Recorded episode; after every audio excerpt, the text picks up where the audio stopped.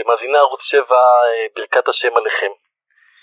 בשבועות האחרונים עסקנו אה, לא מעט בדברי רבי עקיבא, בימי רבי עקיבא, עסקנו בדמותו ההירואית של רבי עקיבא ואיך חכמי דורו של רבי עקיבא מתייחסים אליו במשך, במשך כל השנים. ועכשיו אנחנו נמצאים בימים שבין פסח לעצרת. הימים האלה שבין פסח לעצרת אלו הם הימים שאנחנו בעצם סופרים ומתקדמים ביחד איתם אל, אה, כמו שמגדיר את זה הרמב"ן, הרמב"ן מגדיר את זה שאנחנו מתחילים בעצם מהגאולה הטבעית של עם ישראל, הגאולה הפיזית של עם ישראל, אל הגאולה הרוחנית של עם ישראל, הגאולה הרוחנית שהיא באה לידי ביטוי בחג השבועות. הימים האלה שבין פסח לעצרת אלו הם ימים גם כן שיש בהם גם כן שילוב מאוד מיוחד מצד אחד של אה, עוצמה אדירה, תכף אני אסביר למה אני מתכוון, של קדושה, ומצד שני של צער ואבלות. אני מדבר על אותה אבלות שיש לנו על תלמידי רבי עקיבא, אותה אבלות שאנחנו אה, מזכירים אותה על ידי מנהגי אבלות כאלה ואחרים, אבל הדבר הזה, צריך לזכור, הוא לא ממעיט מערך ומקדושת הימים האלה. מכאן אני רוצה לעבור בעצם לנושא שבו אה, אני רוצה לעסוק בו היום. הנושא שאני רוצה לעסוק בו היום הוא שיר השירים. שיר השירים אה, הוא, היא אותה מגילה שאנחנו נוהגים לקרוא אותה בימים שבין אה, פסח לעצרת בחלק מקהילות ישראל, אותה מגילה שנוהגים ברוב רובם של קהילות ישראל לקרוא בחג הפסח, יש כאלה אומנם שנוהגים לקרוא את, אה, את, אה, מגילת, אה, את מגילת שיר השירים, נוהגים לקרוא אותה דווקא ב, בימי, דווקא ב, במשך כל ימות השנה, אבל העניין הזה של שיר השירים יש בו משהו מאוד מיוחד לזמן הזה שבין פסח לעצרת, ותכף אני אסביר למה הכוונה. המשנה במסכת ידיים מדברת על כך שהייתה מחלוקת מאוד מאוד מעניינת בקרב חכמי ישראל, האם אה, אה, שיר השירים מטמא את הידיים או שהוא איננו מטמא את הידיים. המחלוקת הזאת כפי הנראה נמצאת או קיימת בימי, אה, בימי אה, תלמידיו של רבי עקיבא, אנחנו מדברים על תקופת דור אושה, והמשנה הזאת מדברת ככה, זו משנה במסכת ידיים אה, פרק ג', משנה ה', וככה היא אומרת, ספר שנמחק ונשתייר בו 85 אותיות, כמובן הכוונה לספר תורה, כי פרשת ויהי בנשוא אהרון מטמא את הידיים. תכף נצטרך להסביר את המשמעות של מטמא את הידיים. מגילה שכתוב בה 85 אותיות, כי פרשת ויהי בנשוא אהרון מטמא את הידיים. ממשיכה המשנה ואומרת, כל כתבי הקודש מטמאים את הידיים. שיר השירים וקהלת מטמאות את הידיים. ככה אומרת המשנה סתם. ולאחר מכן באה מחלוקת משולשת בקרב שלושה מחכמי ישראל שהם כולם בעצם תלמידיו של רבי עקיבא. אחד הוא רבי יהודה, השני הוא רבי אה, יוסף, והשלישי הוא רבי שמעון. כמובן רבי יהודה זה רבי יהודה ברבי אלעאי, רבי יוסי בן חלפתא, ורבי שמעון כמובן אותו רבי שמעון אה, בר יוחאי שנצטרך עוד לעסוק פה בהרחבה. ושלושתם כל אחד אומר דעה. רבי יהודה אומר שיר השירים מטמא את הידיים, וקהלת מחלוקת. רבי יוסי אומר קהלת אינה מטמאה את הידיים, ושיר השירים מחלוקת. רבי שמעון אומר, קהלת מכולי בית שמאי ומחומרי בית הלל. יש פה מחלוקת משולשת בתקופה יחסית די, מאוד, די מאוחרת, האם שיר השירים וקהלת מטמאות את הידיים.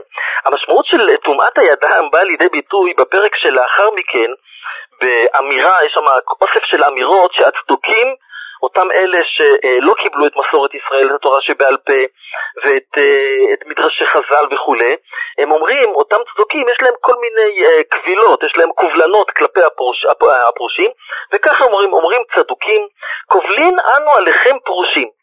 שאתם אומרים כתבי הקודש מטמין את הידיים, וספרי אומרוס אינם מטמין את הידיים. זאת אומרת, אומרוס היה איזה משורר uh, יווני.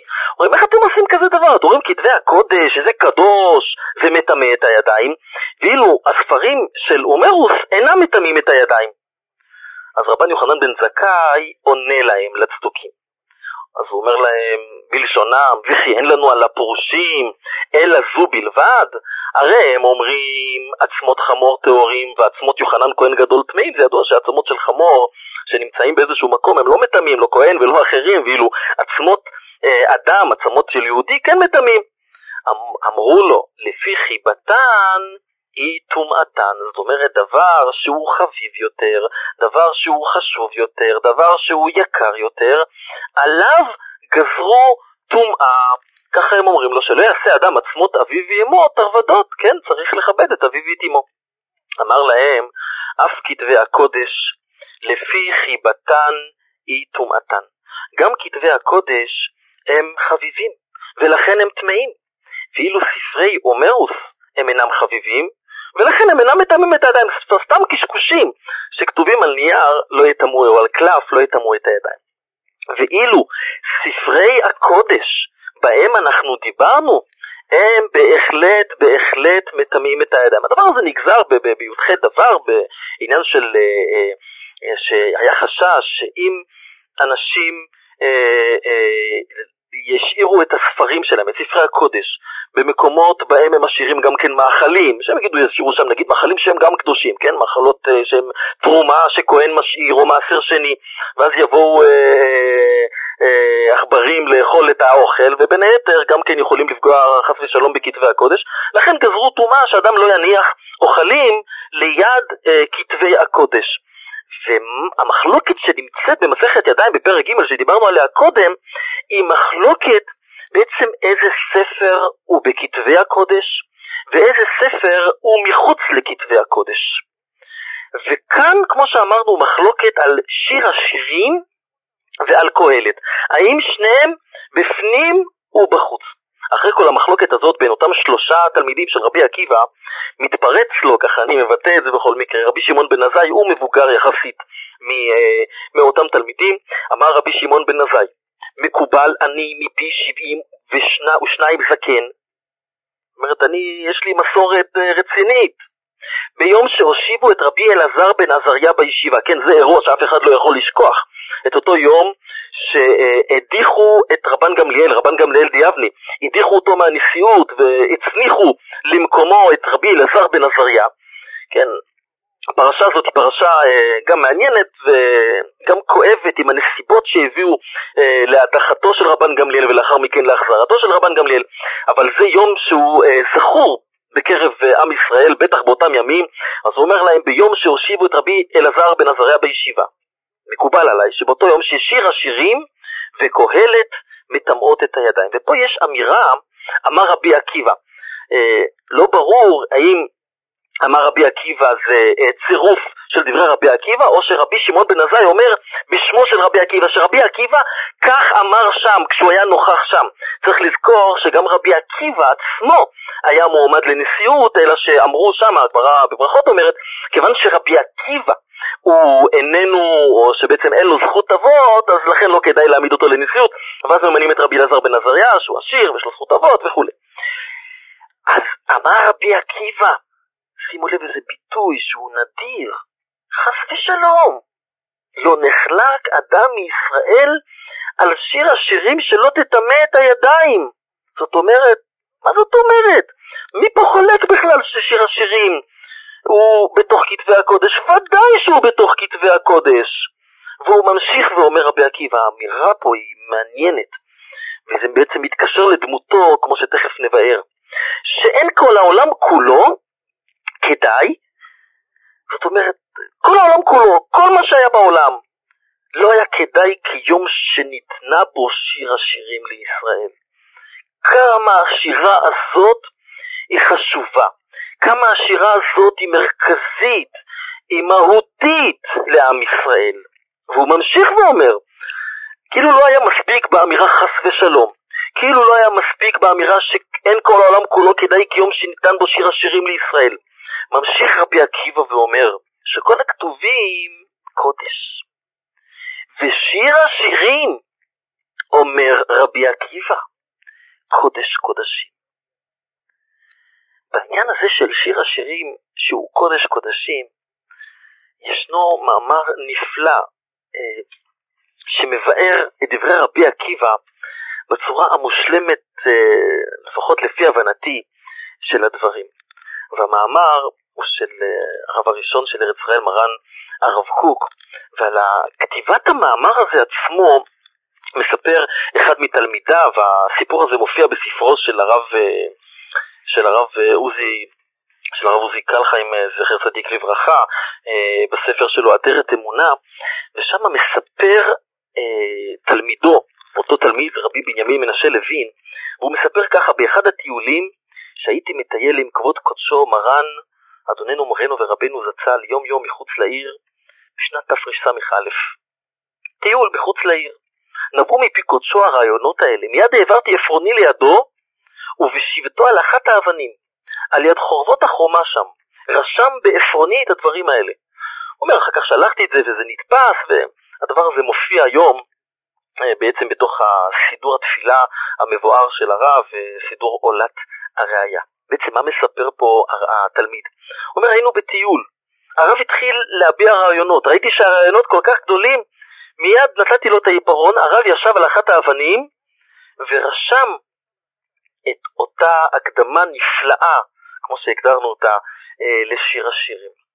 זה לא סוד שבתקופתו של הרב היה מאבק מאוד מאוד לא קל עם יהודים יקרים אמנם, אבל שפרקו מעליהם עול תורה ומצוות, אנשים משכילים שלמדו בישיבות, ולמדו בישיבות החשובות ביותר, אפילו למדו יחד איתו בישיבות, עם הרב עצמו, ופרקו מעליהם עול מלכות שמיים, והתייחסו אה, ללא מעט אה, דברים בקרב אה, היהדות המסורתית, העקרונית, בצורה מעט זולה, אה, לא אה, אמונית, לא אה, מכבדת. ואומנם לא כותב פה הרב לוין, לא כותב מה, בעקבות מה באו הדברים האלה של הרב, מה פתאום הרב התחיל לדבר על שיר השירים. אפשר לשער שאולי איזה מישהו פרסם איזה מאמר באחד העיתונים והתייחס לשיר השירים כאיזה שיר אהבה נמוך, שיר אהבה אה, שמתייחס לאיזה מערכת יחסים כושלת שבין אה, אה, איזה אלם לעלמה שהוא רודף אחריה והיא רודפת אחריו וכולי וכדומה. כמו שאנשים מתייחסים לשיר השירים באופן המאוד מאוד נמוך הזה. ועל פי זה, או כתשובה לזה, מחליט הרב לכתוב את הדברים.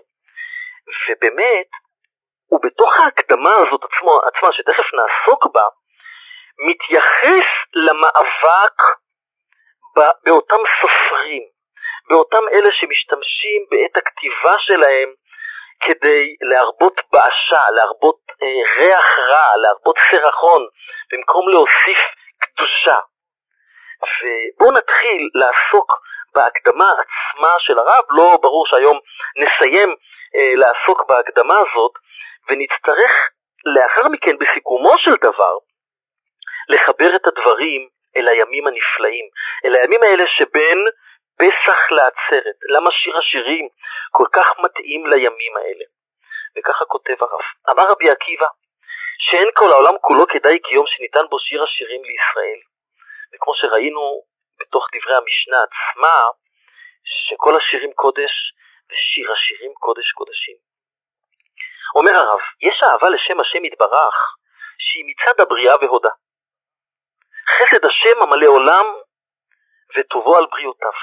זאת אומרת, יש אהבה שבאה מתוך, או, איזה חסד גדול, איזה יופי, איזה שמש זורחת, איזה בריאה מדהימה. מה רבו מעשיך השם? ויש אהבה כזאת, שהיא מורגשת בנפש, מצד עצם מעלת הנפש, מן משהו עמוק, פנימי, לאהוב את הטוב הגמור. ואהבה זאת, אומר הרב, היא עיקר האהבה. והיא יקרה מכל האהבה הנקלטת מבחינת המציאות. זאת אומרת שהאהבה שבאה מעומק הנפש, הייתי מגדיר את זה אהבה שלא תלויה בדבר, לא תלויה בבריאה, לא תלויה באותו חסד, אלא מן אהבה עצמית לעצם העניין. הוא אומר, זוהי עיקר האהבה. הוא אומר, כדי לצייר אותה באמת, צריכים כל הציורים הרבים והגדולים שבשיר השירים.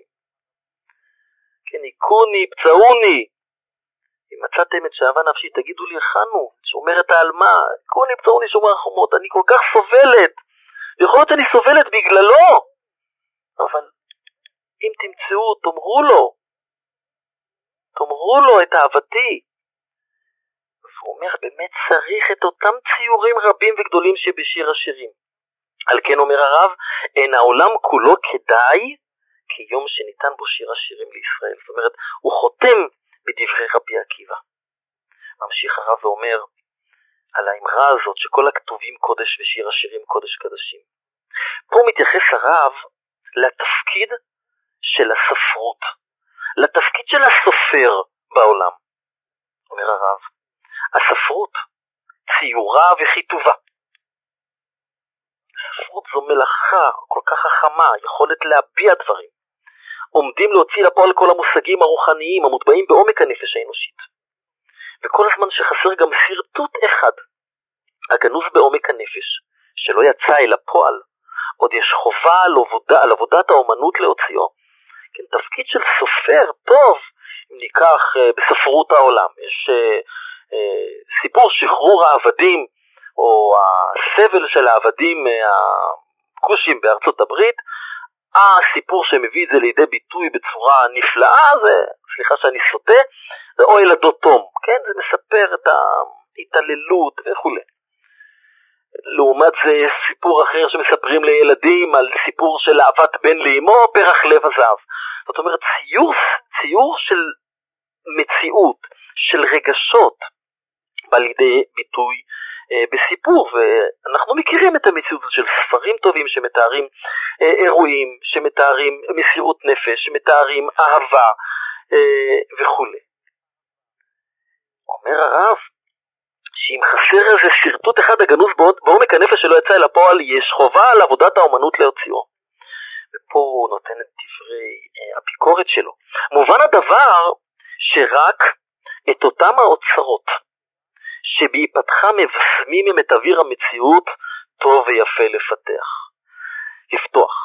אומר הרב, שיש כאלה אולי שעושים דברים לא נכונים, כמו שהוא יגיד בהמשך. יש דברים שכדאי לפתוח, יש דברים שכדאי להוציא לאוויר המציאות, כי הם מבשמים את העולם, הם משבחים את העולם, כמו שהוא אומר בהמשך, מביא פסוק, סליחה דברי מדרש, מכל דיבור ודיבור שיצא מפי הקדוש ברוך הוא, נתמלא כל העולם כולו בסמים. אמנם, אומר הרב, והוא אומר את זה בצורה ברורה, אותם הדברים הגנוזים, שקבורתם היא ביאורם, יש דברים שראוי לה לומר אותם, ודאי לא לכתוב אותם. להם מתוקנת היתד שעל אזננו לחפור ולכסות, ואוי לו למי שמשתמש ביתדו לפעולה הופכית למען ארבות באשה.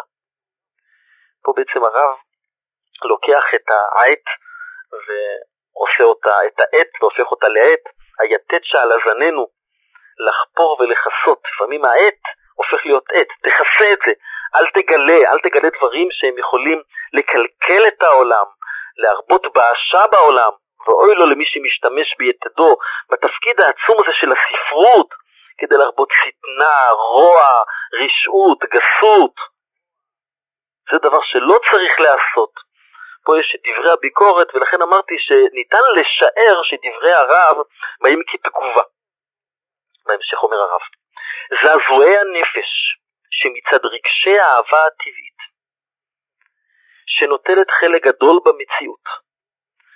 כן, האהבה יכולה ליצור זעזועי נפש עצומים. אנחנו מכירים את המציאות הזאת של אהבה, אהבה של, אה, של איש לאישה, אהבה של בן להוריו, של אב ואם אה, לילדיו, והדבר הזה גורם לזעזועי נפש בכל מיני צורות. אומר הרב, ודאי ודאי שאותם זעזועי נפש, שהם נוטלים חלק גדול במציאות, במוסר ובחיים, הם ראויים להתפרש על ידי הספרות בכל הצדדים שבהם היא מוציאה אל הפועל את הגנוזות. זאת אומרת, דברים שהם קשה לבטא אותם לכל אדם, תפקידו של הסופר להביא אותם לידי ביטוי. את סיפור האהבה בין אב לבנו, נאמנות של, אה, אה, של בני זוג, אה, אה, אהבות כאלה ואחרות שאנחנו מכירים ספרים לא מעטים שהצליחו ליצור אהבה של, אה, של, אה, של עם לארצו, תכף נתייחס לזה. אבל הוא אומר כאן אבל בשמירה היותר מעולה מנטייה לצד השיכרון שיש באלה הרגשות. זאת אומרת, יכולה להיות כאן נטייה לא טובה.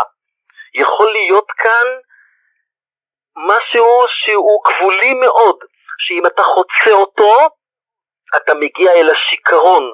כן, זה בדיוק כמו המצב של, ה, של היין.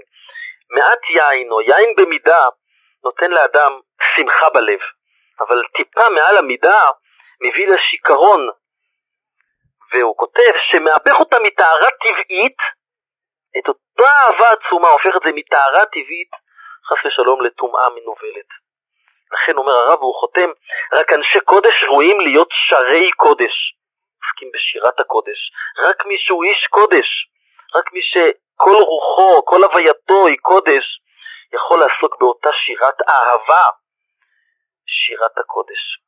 בהמשך הרב מדבר על רבי עקיבא, על רבי עקיבא האוהב הגדול, שדווקא הוא מביא את אותם ביטויים עצומים, שחס ושלום לא נחלק אדם, שאין כל העולם כולו כדאי כיום שניתן בו שיר השירים. ובחתימה שכל, שכל הכתובים קודש, ושיר השירים קודש קודשים. בעזרת השם בשבוע הבא נעסוק באיך רבי עקיבא מתחבר לזה, איך רבי עקיבא בדמותו, בכל צדדי דמותו, בדמותו התורנית, המנהיגותית, באהבת ישראל העצומה שלו, בקשר בינו לבין רעייתו רחל, איך כל המכלול הזה מביא את רבי עקיבא לאותה אמירה שכל הכתובים קודש ושיר השירים קודש קודשים. ועד שבוע הבא, כל טוב וערב טוב לכל המאזינים.